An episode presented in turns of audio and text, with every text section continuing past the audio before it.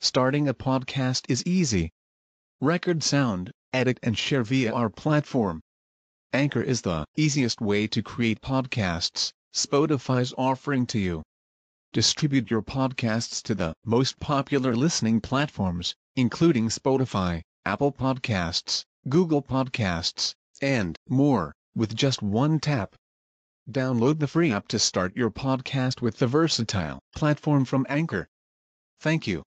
Rahmanirrahim yang antum sebutkan itu tentang apa kaidah bahwasanya hajar diterapkan apabila ada maslahat besar dan seterusnya ini bukan kaidah Tayyip, karena apa? Dia tidak dibangun di atas dalil yang kuat tentang masalah ini. Ini bukan kaidah dan telah diselisihi oleh banyak ulama.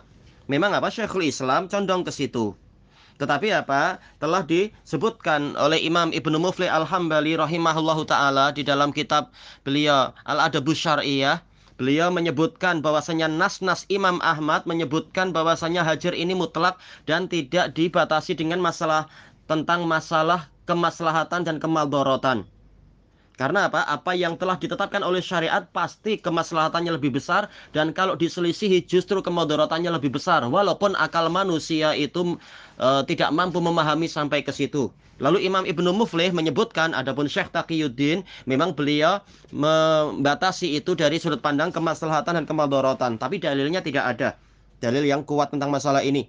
Adapun kalau dikatakan dalilnya adalah Rasulullah tidak menghajar pamannya Abu Talib sampai akhir hayat padahal dia kafir. Tak, ini sudut pandang yang keliru. Telah dijelaskan oleh Al-Qurtubi dan lain-lain, pembahasan hajar itu adalah untuk kaum muslimin. Kaum muslimin yang berbuat maksiat, yang yang kemudian apa? Yang kemudian menampakkan kemaksiatan dengan sengaja maka boleh dia dihajar seperti yang dilakukan oleh Rasulullah terhadap uh, Ka'ab bin Malik, Murarah ibnu Rabi dan Hilal bin Umayyah radhiyallahu anhum ajmain. Padahal mereka jasanya sangat besar. Ini untuk kaum muslimin. Juga sebagaimana terkait dengan hadis Abdullah bin Mughaffal. Ini untuk muslimin. Makanya Rasulullah walaupun beliau menghajar orang para sahabat tadi, beliau tidak menghajar orang-orang kafir. Tayyib. Bukan kita mengatakan sama sekali hajar bukan untuk orang kafir, tapi tak. Tapi apa maksudnya adalah rata-rata dalil yang ada untuk orang kafir ini lain. Sebenarnya untuk apa sih hajar itu dilakukan? Anda telah menulis buku tentang itu, ada lebih dari 15 hikmah dari hajar. Dan itu terkait dengan urusan kaum muslimin. Adapun untuk orang kafir, maka Allah Ta'ala mewajibkan untuk berdakwah.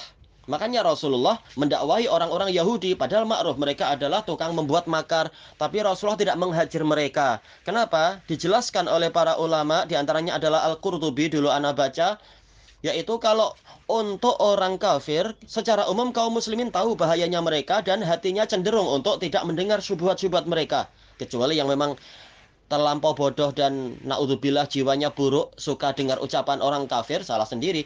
Tapi secara umum orang muslim memang apa hatinya sudah lari dari orang kafir. Maka tidak dikhawatirkan bermasalah apabila dia niaga, sekitar jual beli dengan orang kafir atau untuk mendakwahi. Ada dalil-dalil khusus. Wala tujadilu ahlal kitabi illa billati hiya ahsan. Ud'u ila rabbika sabilil ila sabili rabbika bil hikmati wal mau'itil hasanati wajadilhum billati hiya ahsan dan dalil banyak sekali untuk mendakwai orang kafir. Jadi bukan untuk dihajar. Sementara hajar ini terkait dengan apa? Orang yang sudah dinasihati beberapa kali, sudah tegak hujah, tahu-tahu dia masih membangkang, ah, memang ini dihajar. Jangan dikatakan kalau dia dihajar, gimana dia akan tahu kebenaran? Tak, Anda tak paham kalau seperti itu. Orang dihajar ini setelah melewati beberapa tahapan sudah dinasehati berulang-ulang sudah tahu kebenaran tapi dia memang lebih taat pada hawa nafsunya baru dihajar. Ini untuk orang-orang yang dia masih muslim tetapi subuhat-subuhat yang bercokol di hatinya menyebabkan dia memilih untuk tidak taat setelah tegak hujah. Maka kalau tidak dihajar, dikhawatirkan nanti dia meracuni kita atau meracuni anak istri kita atau meracuni teman-teman kita. Dengan itulah disyariatkan hajar. Dan juga di antara hikmahnya sebagaimana dalam asar Yusuf bin Asbat yaitu agar mereka orang yang berbuat orang yang berbuat bid'ah itu tidak bertambah dosa. Kalau dia tidak di umat tidak diperingatkan dari dia dan tidak disuruh menjauh dari dia, umat akan cenderung dekat dengan dia, lalu tertipu, lalu taat pada dia, akhirnya umat berdosa, dia juga tambah dosa. Jadi memang ini rata-rata pembahasan hajar dan dalil-dalilnya dan kaidah praktek para salaf itu untuk orang muslimin. Untuk orang kafir mereka tak punya pahala apa-apa sehingga mereka dilindungi dari dari dosa yang banyak, tak perlu. Makanya orang kafir secara umum kita tidak tidak mengatakan sama sekali tidak ada dalil hajar, ada. Tetapi apa? Secara umum pembahasan hajar ini adalah untuk orang muslim yang mu'anid, yang membangkang, yang menentang, dan seterusnya. Untuk orang kafir, memang disyariatkan untuk mendakwai mereka dan seterusnya. Kecuali kalau memang dikhawatirkan membahayakan, punya syubuhat-syubuhat. Nah ini dengan apa? Dalil yang lain, memang kita diwajibkan menjauh dari syubuhat. Ashabus syubuhat. Tayyip. Adapun perkataan di sini Rasulullah tidak menghajar pamannya. Memang beliau tidak menghajar pamannya karena memang tidak di tidak ada dalil yang mana Rasulullah uh, diperintahkan oleh Allah untuk menghajar pamannya. Memang tidak ada dalil. Sementara dalam Quran dan dalam hadis ada dalil-dalil yang memerintahkan untuk menghajar orang-orang muslim yang condong pada hawa nafsu, yang suka membuat takwil dan seterusnya itu, yang suka berpaling dari peringatan dan sebagainya. Untuk orang kafir memang apa? Secara umum syariat yang ada dan praktek yang ada di Rasulullah memang tidak menghajar orang kafir. Tayyib. Dan ma'ruf Abu Talib tidak mendatangkan syubuhat-syubuhat. Bahkan apa? Sampai mati Rasulullah mendakwahinya karena diharapkan. Karena memang hatinya condong, hatinya baik, bahkan sering membela Nabi dan seterusnya. Tayyib. Makanya Rasulullah sampai akhir hayat Abu Talib, beliau terus berusaha menasehati dan seterusnya. Cuma Abu Talib condong kepada orang kafir.